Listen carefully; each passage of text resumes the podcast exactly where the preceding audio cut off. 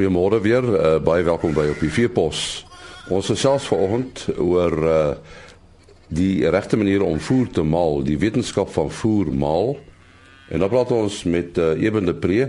Hy's 'n veearts wat uh, in die voerkraal omgewing werk en ons praat oor die siektes wat in die voerkraal voorkom. Ons uh, gesels nou met dokter François van 'n vyfer van Voermal. En ons gaan met hom praat oor die wetenskap van voermaal. Uh, Frans wou sê dikwels jy weet jy boer nie eintlik met beeste nie, jy boer eintlik met veiding, nê. So jy moet daai veiding reg hanteer op jou en as jy uh dit by die maalproses kom ensovoorts ensovoorts. Ja, dis heeltemal reg. Kyk, um, ou wil jy beginsel is maar altyd om heel eers jou veiding goed te benut, um en dan daar uit te kyk wat is die, die primêre tekorte en dan dit te gaan aanvul en dis nou natuurlik dan waar die voermaal gedeelte um, inkom. So mense kan nou gaan kyk as jy jou veiding preserveer as byvoorbeeld hooi dan noodwendig um, help dit baie keer om wel die veiding in 'n bietjie fynere um, vorm te kry en dis dan nou maar waar ons tipies op die plase dan nou hamermeelens of daai tipe van um maal um toerusting kry net om daai beskikbaarheid of die op die inname van daai veiding te verbeter. So ons maal dit gewoonlik redelik grof want ons wil die die herkou funksie hou um, so die diere nou nie suurpens kry of allerlei probleme kry dat hulle nou nie voldoende herkou daar nie. Um, maar jy wil ook dan voldoende inname kry. So dis die groot voordeel van die maal natuurlik is om die om die voer in 'n meer aanvaarbare vorm vir die dier beskikbaar te kry. Ehm um, en dis maar meestal die praktyk by jou kleiner merkhouers, so by skape en so aan, is dit 'n definitiewe voordeel. By beeste is dit nie altyd nodig om die om die hoë gedeelte te maal nie, afhangende van die kwaliteit natuurlik en jou doel wat jy met daai um, um, refood dan het. Het die eh uh, vier het diere so iets soos voedingswysheid dat hy net sal eet wat hy nodig het. Ja, daar is 'n daar's 'n denkskool wat sê dat diere gaan wel um tot 'n mate kan selekteer volgens wat hulle behoeftes is. En die, die denkskool maar gewoonlik rondom um, minerale. Nou ons weet in wild baie keer as mense in die Galagadi rondry of in in, in die bietjie droër dele sien mens nogal dat van jou wilde bokke en so aan is geneig om van die grond te eet en daar sekere kolle wat hulle baie meer, sien maar kalk byvoorbeeld uit die grond uit sal eet. Maar of die diere werklike wysheid het as jy nou vir hulle klomp bakke gaan uitsit wat hulle self moet gaan selekteer wat hulle moet kies of wat hulle um, nodig het, is dit baie debatteerbaar of hulle werklik daai voedingswysheid tot op daai presiese vlak het. Um, en dis hoekom dit maar belangrik is om wel um, gebruik te maak van voedingstabelle wat vir ons sê die dier se behoefte is X versekerde um, voedingsstowwe en dan maak ons gebalanseerde voer daaruit. Um, want dit is nie dit is nie 100% akkuraat dat die diere presies gaan selekteer wat hy nodig het in terme van voedingsstowwe nie. Maar net soos wat mense ook maar as die diere gaan selekteer wat vir hulle meer smaaklik is, so hulle gaan waarskynlik heel eers selekteer vir smaaklikheid en dan vir wat hulle aan die tekorte is. Behalwe in gevalle waar daar dramatiese tekorte is, soos wat ons baie keer sien met diere wat op 'n baie warm rantsoen in 'n voerkraal is. Hulle sal byvoorbeeld um, baie maklik gaan rietvoer selekteer want hulle het eintlik 'n tipe mate van 'n van 'n suurpens of asidose en dan het hulle behoefte aan rietvoer. So ja, die antwoord is maar tweeledig. Ek dink nie diere is 100% akkuraat met 'n voedingswysheid nie, maar dat dit dat, dat hulle wel seker goed gaan selekteer, um, is wel so. Die die smaaklikheid, dit is maar seker melasse wat dit veroorsaak. Nee, nie net molasse nie. Ja, molasse is definitief 'n smaakmiddel. Aan so diere hou van die smaak van molasse. En iets soos byvoorbeeld lucerne is baie baie um, smaaklik vir diere. So daarvan nou selfs net die voginhoud van voere diere is geneig om eerder 'n bietjie 'n natte voer te gaan selekteer as 'n droë voer. As ons kyk op weidings, groen sappige weidings gaan 'n baie hoër inname hê as 'n droë um val tipe van weiding. So daar's 'n klomp goed wat smaaklik gaan wees. Diere is ook baie lief vir um, byvoorbeeld mielies. As hulle eers mielies leer vreet, het hulle hulle um, sommige diere sal hulle byna dood vreet as jy vir hulle net mielies gee. Tipies wat ons sien is ons diere op oesreste in ja. So uh, ja, dit gaan gaan maar oor daai smaaklikheid. Dis vir hulle lekker um, maar ja, weer eens ons moet dit balanseer vir die diere. Nou nou nou, maar jy self, hoe weet jy dat jy die regte kwaliteit het?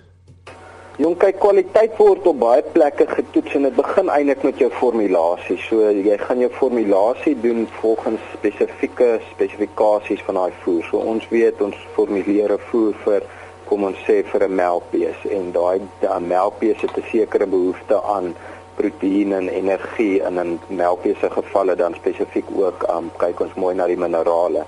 So ons weet wat is daai voedingsbehoeftes en dit word bepaal deur die NRC wat die National Research Council is en dit is maar die die beste um uh, navorsingsbron wat ons het of hulpbron wat ons het om te kyk wat voedingbehoeftes.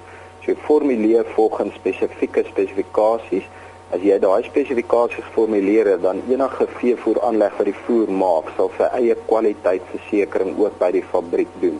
So voordat die voer in die veld ingaan, gaan hy toets vir die minimum spesifikasies en daai spesifikasies word ook dan geregistreer by die um, registrateur vir veevoere um, van departement van landbou natuurlik. So die voer moet voldoen aan daai minimum spesifikasies. Ehm um, waar die ouens gebruik maak van medikamente of sekere voerbymiddels en gewone voer en so aan word dit ook getoets om te kyk dat daai um, daai voerbymiddels en medikasies nie teen toksiese vlakke ingesluit word nie. So daai al daai tipe van goed moet goed um dopgehou word. Um en daarom doen die departement van landbou ook besoeke um aan koöperasies aan um veevoeraanlegte net om seker te maak dat hulle eie um bestuur en kwaliteitsversekering in plek is. As 'n mens nou vasstel het wat 'n tekorte op jou plaas uh is is dit iets wat jy jaarliks moet doen of uh, kan mens nou aanvaar dat dit is die tekorte en uh, dit is hoe my plaas lyk wat uh, wat tekorte aanbetref Ja, ek sê sê mens moet dit op 'n gereelde basis doen. Nou jaarliks is miskien bietjie min, um, want ons kry groot seisonale veranderinge ook. Nou gelukkig met ons navorsing en jare se ondervinding weet ons al wat jou primêre tekorte is in die algemeen op 'n plaas in die somer teenoor die winter. So tipies in die somer op ons um, somerreënvalgebiede gaan fosfaat en fosfor 'n primêre tekort wees. So dit weet ons en daarom die praktyk om fosfaat aanvullings te doen in die somer.